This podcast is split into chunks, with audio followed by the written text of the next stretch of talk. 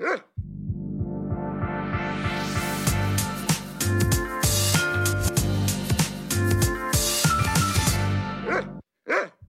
min gir meg skikkelig hodepine iblant.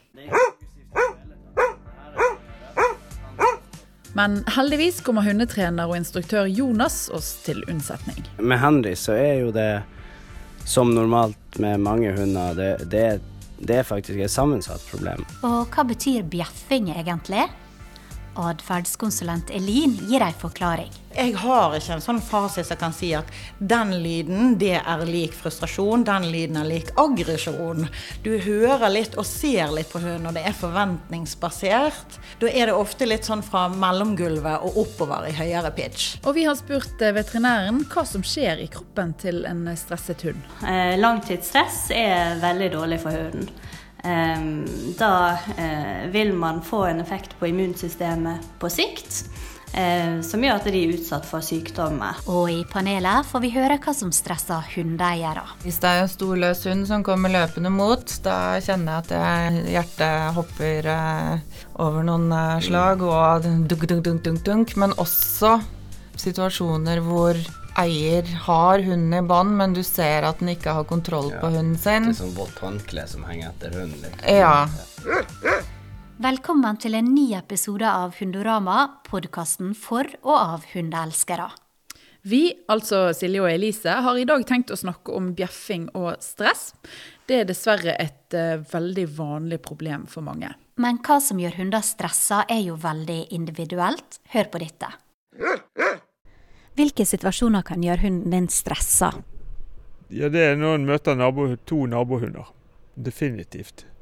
De eh, tok Jackie for seg når hun var en bitte liten valp, og det har hun aldri glemt. Han er ikke så glad i alle hannhunder. Det, det skjønner jeg ikke. Eh, altså, for, for, noen går helt fint, andre går ikke fint. Så når vi møter eh, hunder på litt sånn smal vei, da blir jeg sjøl stresset. Da vet jeg at nå kommer det. Nå må vi bare gå ut til siden og prøve å komme litt unna. For det, du vet aldri hva som skjer. Da blir det bjeffing og knurring og ja.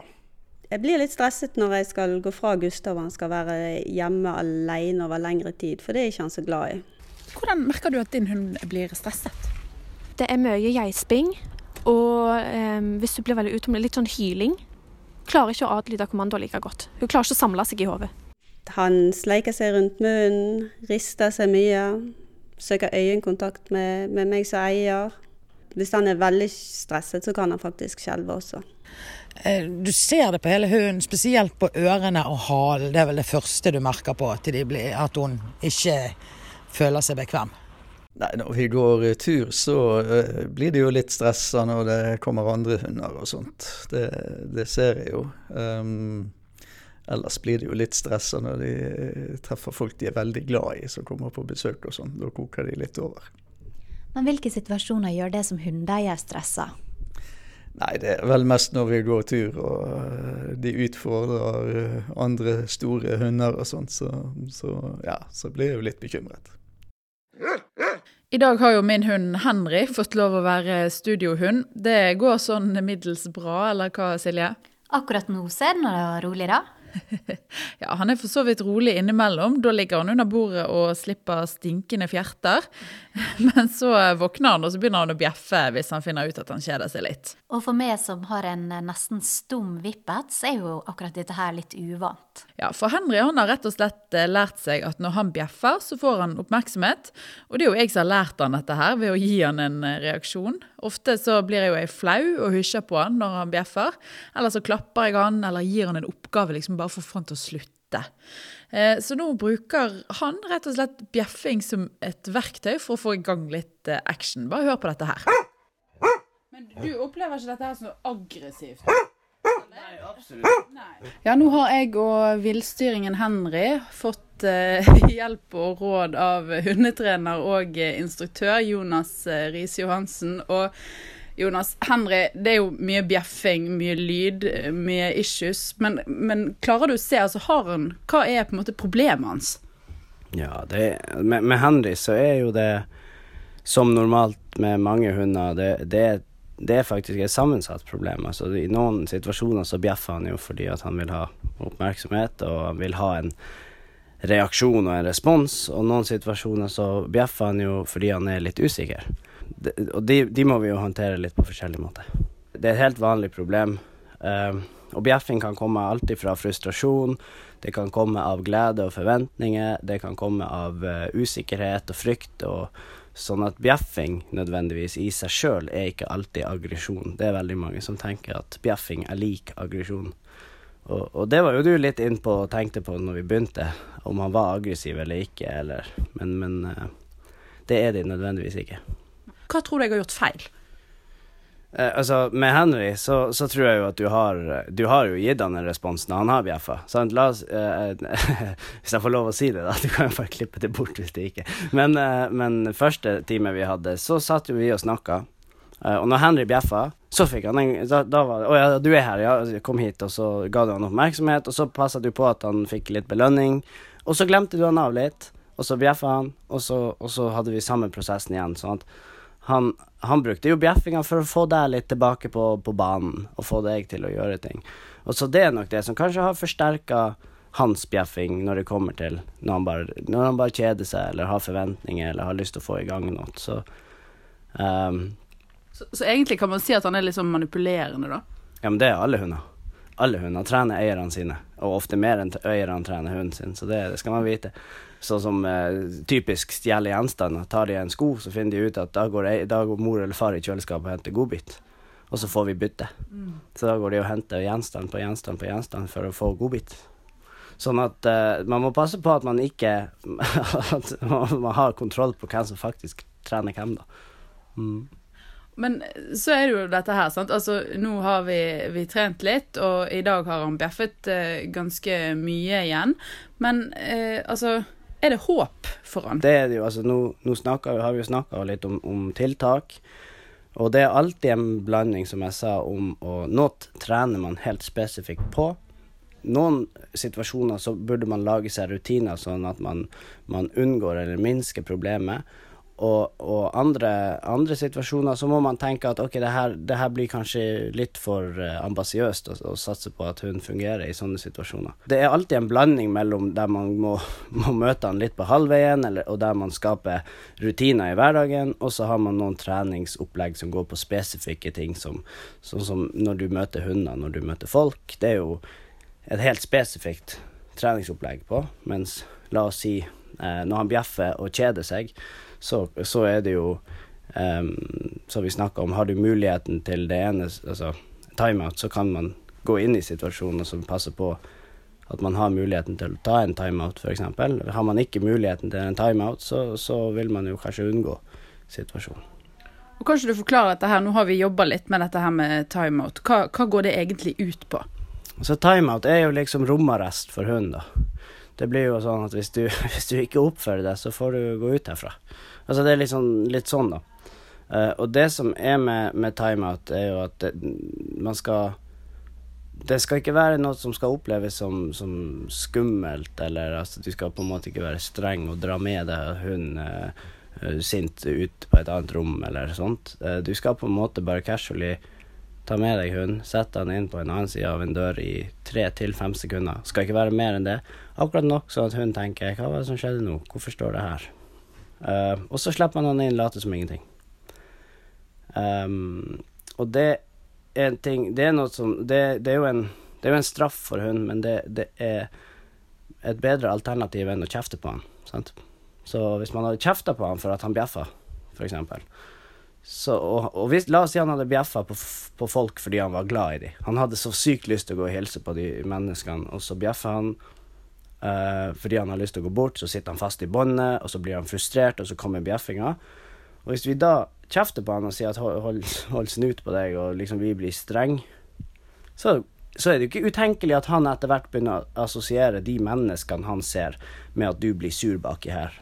Sånn, bak i lina blir blir det en sint person når det kommer folk der fremme. Han skjønner kanskje ikke nødvendigvis at det er assosiert med bjeffinga, at det er derfor du blir sur. Han ser situasjonen menneske, jeg har lyst til å hilse, mor eller far blir sur. Altså det er liksom Og da kan fort følelsene til den her øh, fremmede folkene bli flytta om til mer usikkerhet og frykt, og da får du fortsatt bjeffing, men da har du en hund som er redd og i verste fall blir aggressiv i tillegg. Så da er det bedre med et, et, eh, et tiltak som ikke går på å, å kjefte. Mm. Men i utgangspunktet så skal man jo alltid belønne ønska atferd. Det er jo første bud. Sant? Timeout er jo et verktøy man håndterer uønska atferd når man ikke har noe valg. Så det, det, er jo på en måte litt sånn som så Emil i Snekkerbua, da, bare i en veldig kort periode? Ja, det er Emil i Snekkerbua, bare at Emil hadde mulighet til å sitte og spikke på forskjellige uh, figurer, sant. Det skal jo ikke hun få lov å kose seg. La oss si at han tar ei truse da, og springer rundt i, i, i, stua med den, og så tenker du nei, det må du ikke gjøre. Så du får tak i, du får tak i hunden uh, og skal gi han en timeout, og så, ta, så, setter du han inn på vaskerommet i timeout. Det funker jo ikke. Nå har han kommet til himmelen. Så da, det, det, er liksom Vi må passe på at når man gir timeout inn på den plassen man, så, så skal man jo gjerne hindre at hunden får mulighet til å forsterke seg sjøl der inne, da. Men sånn, Hvis vi skal snakke litt om eh, prognoser, altså bjeffing er et vanlig problem. Men, men, hvor lett er det å fjerne, og hvor lang tid eh, tar det? Og så kommer det kjedelige svaret. Ja, det kommer jo an på mange ting. sant? Det kommer an på eh, hvorfor den bjeffer. Uh, altså frykt Fryktproblematikk har jo en annen prognose enn f.eks. Uh, bjeffing av forventninger, hvis du har en hund som er, uh, gira i spesifikke situasjoner, og så bjeffer han av den grunn. Og uansett problemstilling, så må man uansett påregne at man har uh, Man må legge i litt trening. Og så må man tenke at noen plasser må man tilpasse seg etter hundens behov også. Så det er, det er, veldig, det er veldig, individuelt fra hund til hund hva prognoser, og, og, og fra familie til familie òg. fordi at la oss si at hvis man er seks mennesker i én familie, så er det jo enda vanskeligere hvis alle skal gjøre det helt likt, for det er jo også en ting. Sant? Hvis man skal håndtere et, et, en, en utfordring, så må man være enig i hvordan man håndterer den. Og det er mye lettere hvis man er to enn hvis man er seks, f.eks. Så det har også ting som, som spiller inn. Men, men med bjeffing, f.eks., så er jo det hovedsakelig å finne ut hvorfor bjeffer hund. Så man finner ut hvorfor, kartlegger hunden skikkelig, hva er det som gjør at hunden bjeffer. Og så må man tilpasse tiltaket deretter. Og igjen, det kommer an på alderen på hund. Hvis han er ti år gammel, så kan det ha litt lengre treningsvei enn hvis han er seks måneder gammel. Så, så, det er ikke noe fasitsvar der. Det er mange ting. Det er derfor det fins eh, hundetrenere og, og atferdskonsulenter og sånt. Fordi at da får man kartlagt de her tingene skikkelig og gitt et reelt svar på hva kan man forvente. Og nå har jo vi hatt Henry i tre år snart. Eh, jeg føler jo at det ene atferdsproblemet har avløst eh, det andre. Han er jo rett og slett en skikkelig nullduss, hele fyren. Når eh, er det sånn at altså Bør jeg ta hintet og kaste inn håndkle snart? Eller liksom når gir man opp og skjønner at det her kommer aldri til å bli noe bra? Nei, altså det, det, det, det kommer jo an på hva man ser som bra. Man kan være sykt heldig med en hund og ikke få noen atferdsproblemer. Man trenger ikke å legge i et sekund med trening, og så, um, og så fungerer hunden egentlig bare helt perfekt. Eller man kan eh, legge inn masse trening uh, og være veldig, veldig, veldig flink, men så har man et dårlig utgangspunkt med at hunden har forskjellige utfordringer allerede, altså genetisk, med seg. Det man kanskje må gjøre, er å finne en middelvei. Sant? Nå snakker vi jo om bjeffing eh, hovedsakelig. Og, men hvis man har alvorlige atferdsproblemer der hunder eh, gjerne biter og sånt, så er det jo heller mer et spørsmål om er man villig til å tilpasse eh, seg etter hunden sitt behov, da. Det er jo gjerne der, er jo gjerne der man må, Man skal ikke gi, opp hånd, altså gi legge inn håndkleet og tenke at nå nå bare nå, nå, gidder vi ikke å prøve mer, nå får det bare stå til. Altså, man må på en måte Eller så kan man jo Ja. I verste fall blir det jo omplassering eller noe sånt. Men det er jo med alvorlige atferdsproblemer. Du tror ikke Henry trenger å omplasseres? Nei, nei, Henry er nok Han er altså Henry er jo bare altså, hovedsakelig han, var, han, er litt usikker i møtet, når, når, i hvert fall sånn han så meg, så var han litt usikker akkurat de første sekundene. Og så endra det seg helt til å bare være forventningsfylt. Og så, så, så han, han, eh, Du trenger ikke å tenke på at han trenger omplassering. Det, det, er jo bare et problem med at han er litt for glad, egentlig. Altså, du skal ikke gjøre han Det betyr ikke at du skal gjøre han uh, miserabel, men det er jo, det er jo at du du, eh, du må bare Du må bare legge rutiner på når tid er det greit for han å ha de forventningene han har, sant? Eh, og når tid skal han egentlig bare slå seg av litt, sant? Men det er jo godt å høre at det finnes håp for oss òg. Ja, absolutt. Det, det er ikke det tvil om. Det er det ikke tvil om. Og så er det jo et helt normalt problem. Alle har jo Altså, alle har Alle har atferdsproblemer, det er litt dumt å si, men, men, men, men realiteten er jo at det er sinnssykt mange som har en eller annen form for utfordring med hunden sin. Og, eh, og man skal ikke være flau over det. Man skal tørre å liksom ta kontakt og skaffe hjelp, og man skal eh, det, det verste man kan gjøre, er jo bare å, å ikke tørre å, å, å gjøre noe med det, holdt jeg på å si. Og bare gjemme seg. Det må man ikke gjøre. Det er helt normalt.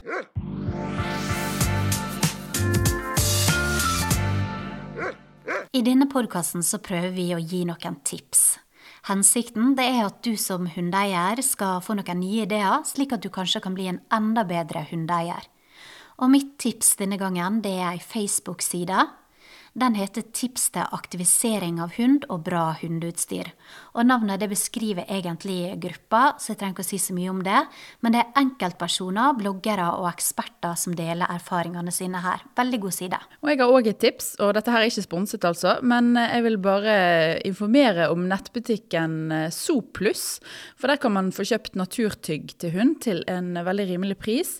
De har eh, veldig stort utvalg, alt fra tørkede kaninører med pels, som er både sunt og magert for hunden. Henry elsker det i alle fall.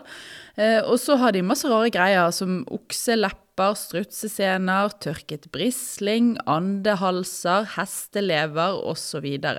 Og de kan dokumentere hvor alt dette her kommer fra, så det er veldig bra. Og slike sparetips det klinger godt i ørene til en sunnmøring som meg.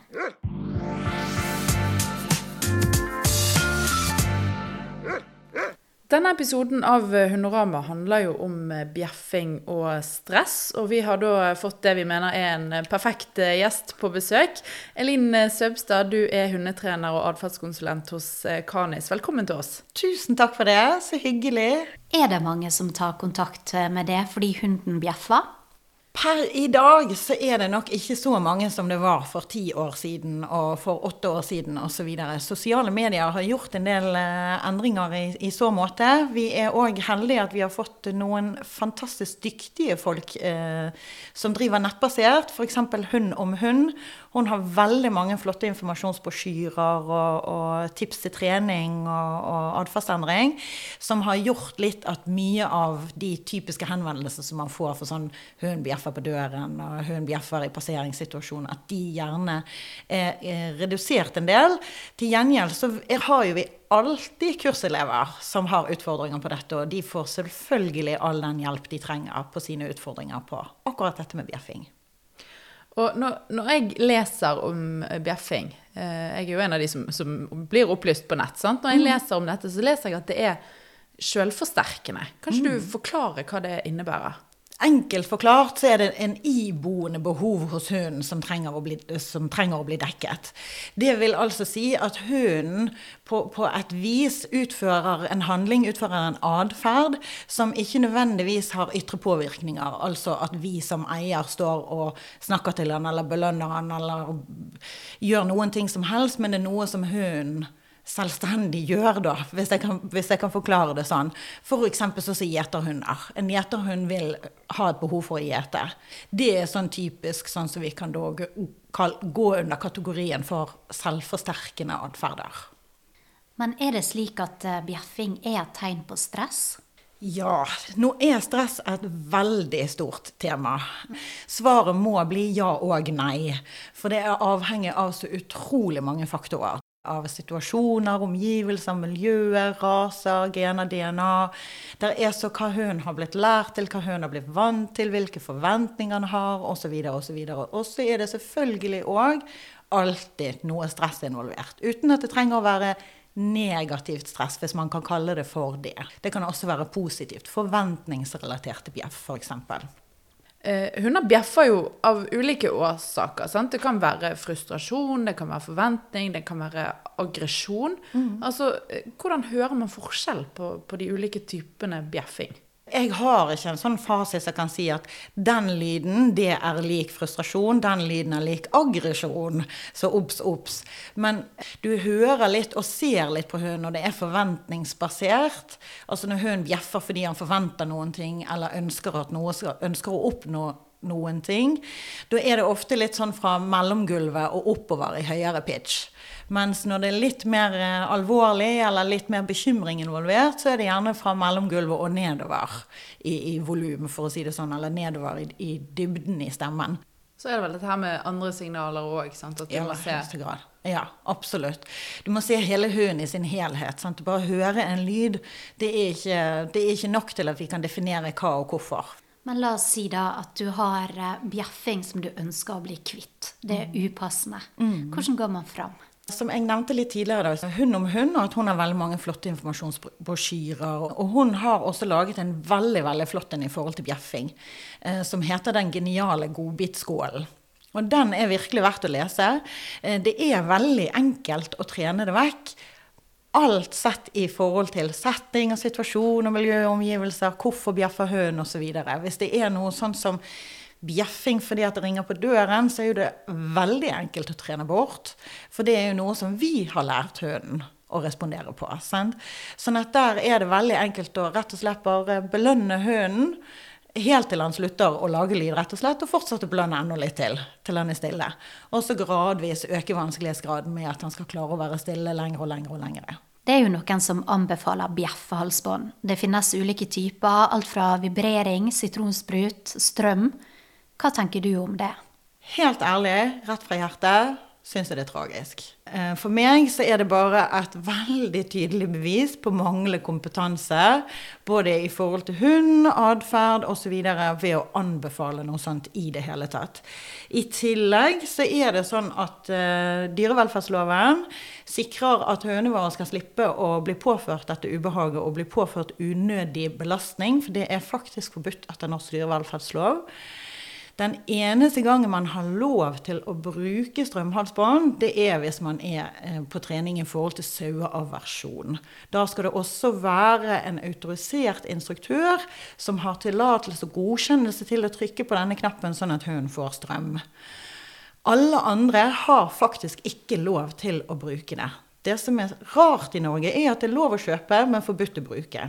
Og det er ikke alle faktisk butikkjeder engang som er klar over, som, eh, som vi har måttet gjøre en del oppmerksom på.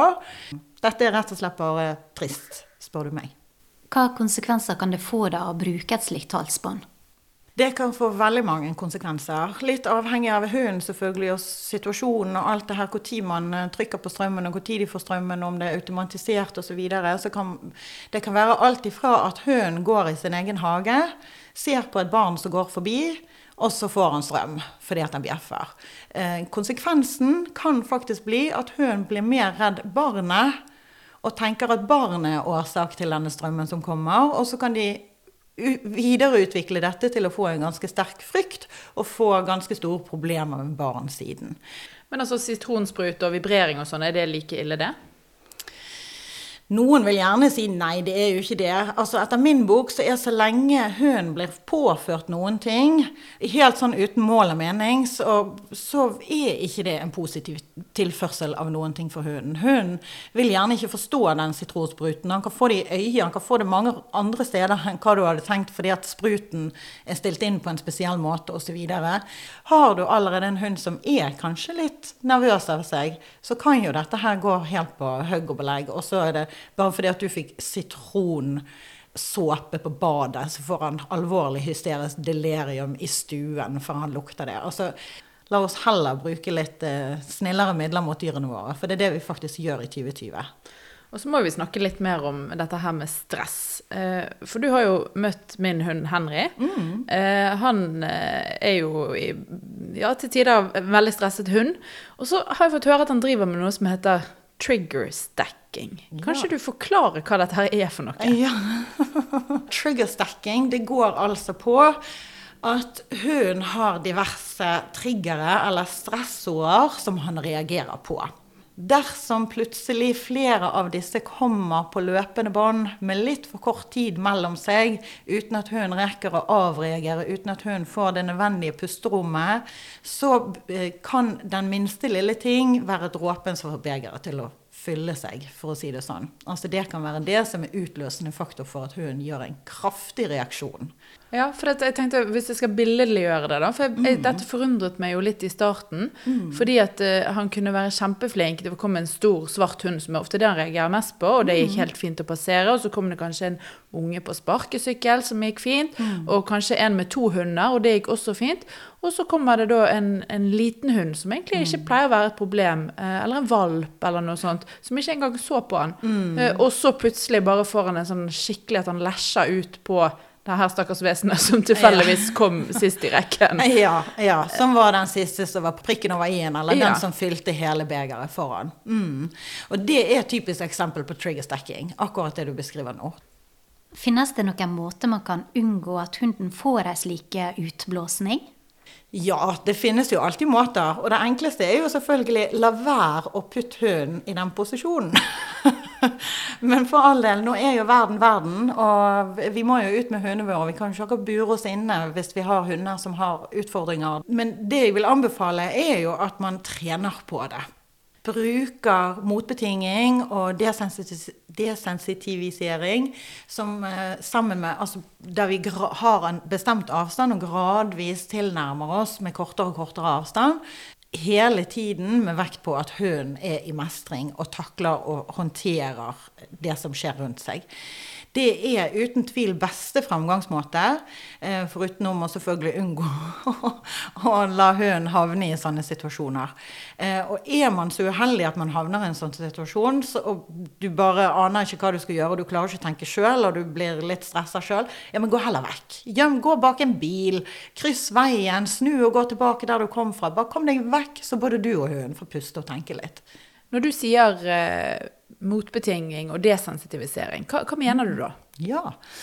Eh, når vi snakker om motbetinging, så snakker vi om klassisk læring. Det går jo på assosiasjoner, koblinger som hun gjør med de tilknyttende emosjonene som hører til, for å si det sånn. Så når vi jobber med motbetinging, så jobber vi altså på klassisk læring. Eh, Der vi ønsker å gjøre assosiasjonsendringer. Istedenfor at hunden blir stresset eller redd eller engstelig når han ser en annen hund, så bruker vi motbetinging. Altså vi putter i han noe som er kjempepositivt, f.eks. leverpostei. Så får han det hele tiden så lenge han ser på den andre hunden. Og gjør vi det hver eneste gang hunden vår ser på en annen hund, så får vi etter hvert det vi kaller for en assosiasjonsendring, der hunden sin oppfatning av synet av den andre hunden plutselig blir positiv. Altså emosjonene hos hunden endrer seg i, i, i så måte. Desensitivisering handler jo om gradvis tilnærming. Sant? Altså gradvis tilnærming til noen ting. Så når jeg snakker motbetinging og desensitivisering, så snakker jeg altså om at man gradvis nærmer seg det som hunden opplever som vanskelig. Man starter på stor avstand med motbetinging, og så man, jobber man seg gradvis nærmere. Ja, nå har nå i hvert fall jeg eh, blitt eh, klokere, og det har forhåpentligvis eh, du som hører på også. Tusen takk for at du kom og delte av din kunnskap. Elin Søbstad, hundetrener og atferdskonsulent hos Kranis hundeskole. Takk for det, og takk for at jeg fikk komme.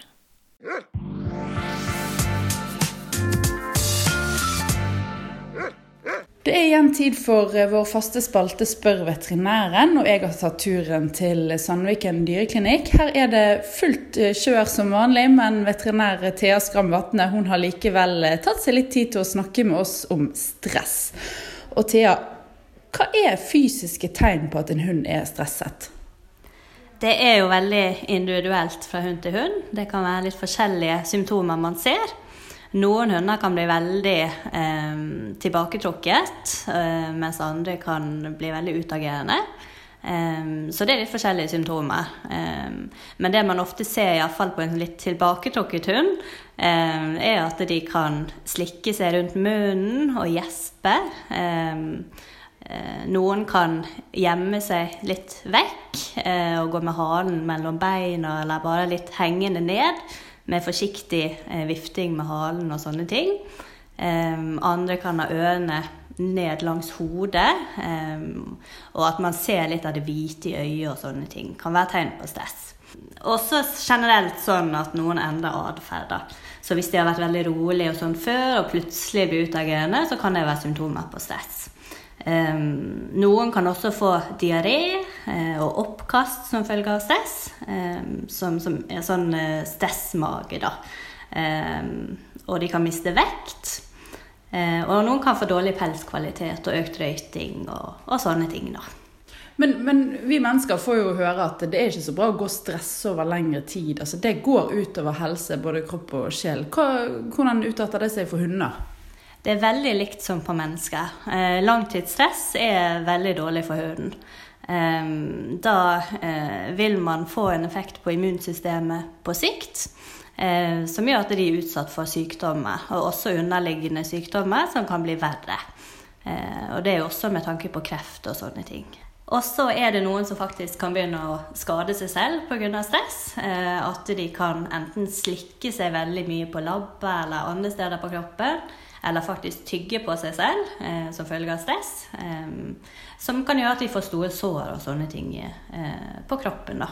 Kan også selvfølgelig gå utover miljøet de bor i. Dører og vegger og, og møbler og alt sånt. Eh, så, så, det er også viktig eh, å ha i bakhodet. Noen kan også få endret uh, urineringsmønster, at de begynner å tisse inne og sånne ting. Uh, det er ikke helt uvanlig hvis det f.eks. kommer en ny person inn i bildet, eller noe sånt, at det er en periode med litt tissing inne. da. Uten at det trenger å være noen medisinsk årsak, uh, bortsett fra stress. da. Um, og så er det faktisk en ny studie nå fra 2019 som viser at hvis hunden har en stresset eier, så blir hunden også stresset. Mm. Så det er viktig å, å, tenke på at man prøver å, å puste dypt og, og, og, ta en pause av og til. Og ja, ikke stresse altfor mye.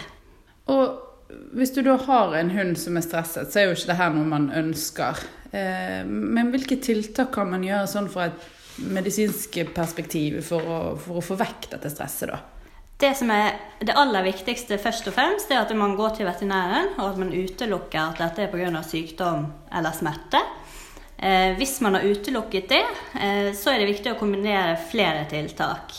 Eh, og, og, at man da begynner med å ta kontakt med en atferdsterapeut, en som er spesialist på eh, atferdsproblemer, eh, sånn at man kan finne årsak til stresset. Eh, og få hjelp til å, å trene på det. da. Det er også andre tiltak man kan ta, som man bør eh, bruke sammen med trening. Eh, og da er det litt forskjellig å velge mellom. Eh, man kan eh, prøve eh, noe som heter Adaptil, som er feromoner da, som man får i forskjellige produkter. Enten halsbånd eller spray eller diffuser som man har hjemme. det er forskjellig hva man bruker ut ifra hva problemet er. da. hva gjør det for noe, da? Det er sånne feromoner som moren skiller ut i sine melkekjertler, eh, som gir en trygghetsfølelse hos valpene. Eh, det er ikke noe man bruker mot aggresjon og sånne ting, eh, men det kan ha god effekt på mange andre stresslidelser. Eh, det er også viktig å bruke mye tid med hunden, oppmerksomhet. Eh, og massasje kan også ha veldig god effekt. Eh, for når man tar på hunden, så skiller det ut sånne hormoner som, som gir en glede hos hunden. da. Så det er veldig viktig. Det er også mange andre produkter man kan gi som er helt naturlige, uten eh, bivirkninger. Eh, som f.eks. Aptus laks-tabletter eh, eller spesialfôr. Som har tilskudd som er helt naturlige, som vil roe ned hunden. da aller siste vi går til, er jo medisiner. fordi at de kan ha med bivirkninger. Men i noen tilfeller så er det nødvendig å kombinere det med atferdstrening. Rett og slett. Iallfall i en kort periode. Og da er det jo forskjellige produkter man bruker ut ifra hva er, problemet er da også. Tusen takk til deg, veterinær Thea Skram Vatne. Det er igjen tid for eh, panelet, og nå skal det handle om eh, stress, bjeffing og eh, kommunikasjon. Og våre paneldeltakere de sitter klar her. Dette må jo være et perfekt tema for deg, Jonas Riis Johansen. Du er hundetrener. Ja. Det er stress og kommunikasjon er et uh, veldig relevant tema for det jeg holder på med. Og Embla Karidotter, hva er ditt uh, forhold til stress og kommunikasjon?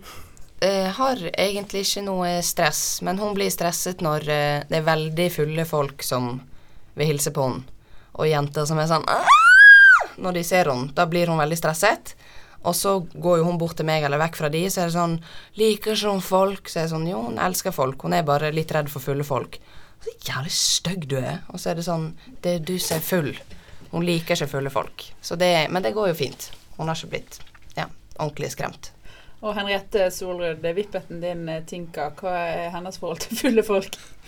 Nei, uh, hun takler det ganske bra. Vi har jo en del uh, sånne eh, løse fugler i nabolaget, og både som har heroinknekk og er glad i flaska. Men de, hun digger det, altså. Skal bort og hilse, og det er uh, gode greier. Men hun har jo mye andre greier, ting som eh, gjør henne stressa. Blant annet eh, veterinærbesøk er jo noe som ikke er så innmari kult. Ja. Alt som er utenfor rutine, egentlig, kan uh, være litt uh, utfordrende.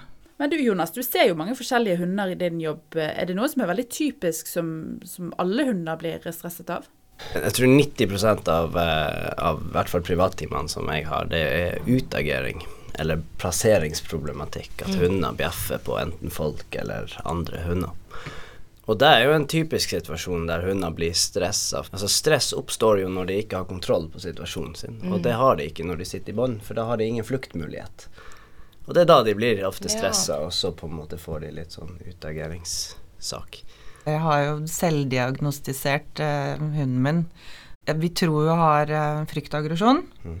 Eh, for hun ble angrepet av en stor svart hund da hun var eh, rundt året. Og etter det så skal hun ta alle store svarte hunder. Så det jeg har lært meg å gjøre, er at når vi møter en sånn, når vi ikke kjenner den hunden fra før av, så stopper vi. Så setter jeg meg ned ved henne, og da er jeg rolig når jeg går forbi. Og så holder jeg litt på. Men hvis jeg har det travelt og bare må fort forbi, f.eks., da henger jeg over selen og Så bare Hun er litt uh, streng med svarte hunder. Så det er jo litt flaut, da. Ja, det er heldigvis helt vanlig. Ja. Det, det er ikke uvanlig i det hele tatt at, hunder, at, at man møter på sånt. Ja. Hva er det som stresser dere, da, som hundeeiere? Hva situasjoner er det? Altså Hvis det kommer en løs hund, da Det har hatt flere situasjoner der man har møtt på hunder som, som har kommet springende bort, da, så står man der med alt fra to til fem, da. Så man skal på en måte si 'hallo, kan dere vente litt her, jeg skal bare ta imot den her karen som kommer'. Eh, og så er det ingen eier å se. Da begynner jeg å stresse litt. Grann. Ja, jeg òg blir uh, stressa det. Eh, Hvis det er en stor løs hund som kommer løpende mot, da kjenner jeg at jeg, hjertet hopper eh, over noen eh, slag, og dunk, dunk, dunk, dunk, dunk. Men også situasjoner hvor eier har hunden i bånd, men du ser at den ikke har kontroll på hunden sin. Det er sånn vått håndkle som henger etter hunden. Liksom. Ja. Men jeg er jo faktisk sånn som hvis det står en hund og bjeffer helt sykt mye mot oss, og så blir jo eieren veldig flau og går vekk, da er jo jeg sånn Vil han hilse? Eller liksom roper etter dem. Endelig, ja, Ja, sånn. men faktisk fordi at det er så mange der de faktisk bare vil hilse, og er sånn Oh my god, hilse! jeg har ikke fått hilse på noen i dag. Så Luna har liksom vært veldig mange sine sånn der Takk, den har ikke fått hilse på noen på flere måneder. Og da er jeg sånn Da hadde jeg òg vært aggressiv. Hadde jeg aldri fått liksom hilst på noen. Og så er det noen som sier nei, bjeffer han, så skal ikke han bli liksom belønnet med å få hilse. Og jeg ser jo den òg, men hvis du aldri får hilse, så hva Der, der er jeg enig. Altså, så lenge han bjeffer, så skal de ikke hilse. Men hvis han kan vente litt, grann, sånn Ja. at han får en 'vær så god' Ja. eller en 'fri', nå Ja. kan du få lov, så Ja. du setter et signal på når han har lov, Mm. så har du løst det problemet. Men tror dere ikke at dette kan bli en vond sirkel? Jeg har jo en hund som eh, utagerer på hva som helst, alt etter dagsform. Først kan han ha jaget et blad, en bil eller en unge på sparkesykkel, og så ser jeg at det kommer en stor svart hund imot, og jeg blir stressa, for jeg vet jo at han kommer til å bli stresset, og så blir han stresset av meg. Det er òg hundeeiere som på en måte stresser seg opp når de har forventning om at nå skjer det. Det blir jo et signal, altså det blir jo et cue til hunden om at nå skal du sette i gang med det her du vanligvis gjør. Sant? Mm. Og så har man jo alltid den der at hvis man går i fleksibånd, at man begynner å hanke Mm. inn hunden. Den der Ja. lyden, sant. eller stramme litt i båndet, eller rope 'er det han, hund?' og da er jo på en måte din hund klar, for da har jo du ropt til noen derfra. Da er liksom hva Ok, skal vi bjeffe på nå?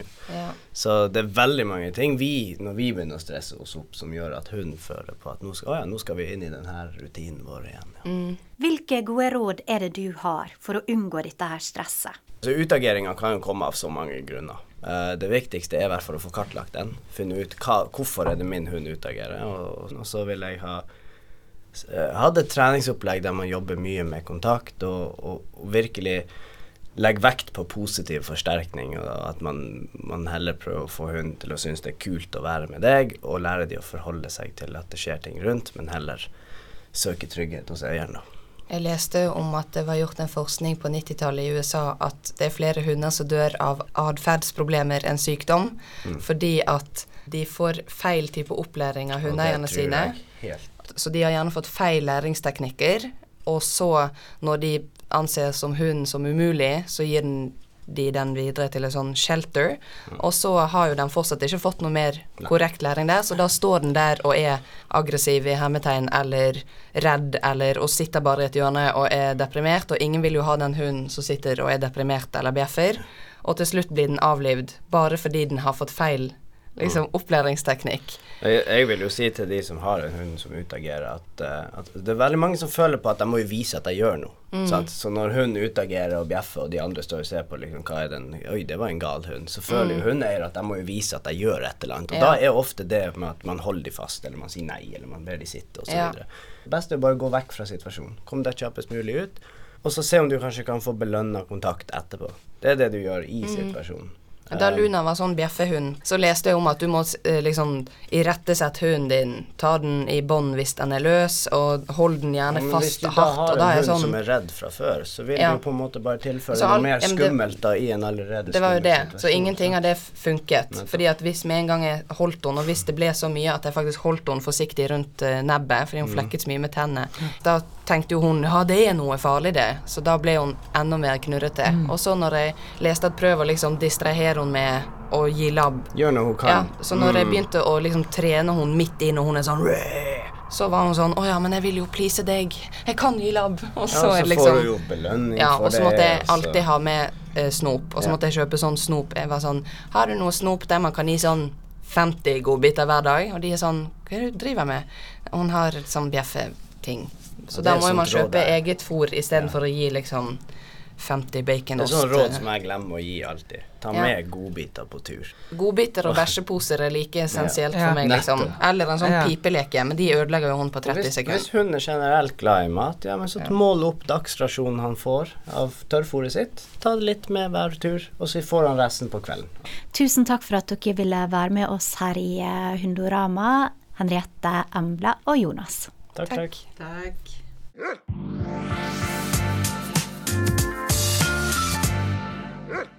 Dette var siste episode i denne sesongen av Hundorama, men stay tuned, for vi er tilbake før du vet ordet av det. Ja, Vi planlegger nemlig en eh, sesong til, og da vil vi veldig gjerne ha innspill fra deg som hører på.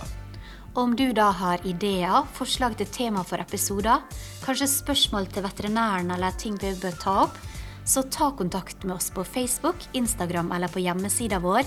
Det er hundorama.com. Takk for at du hørte på.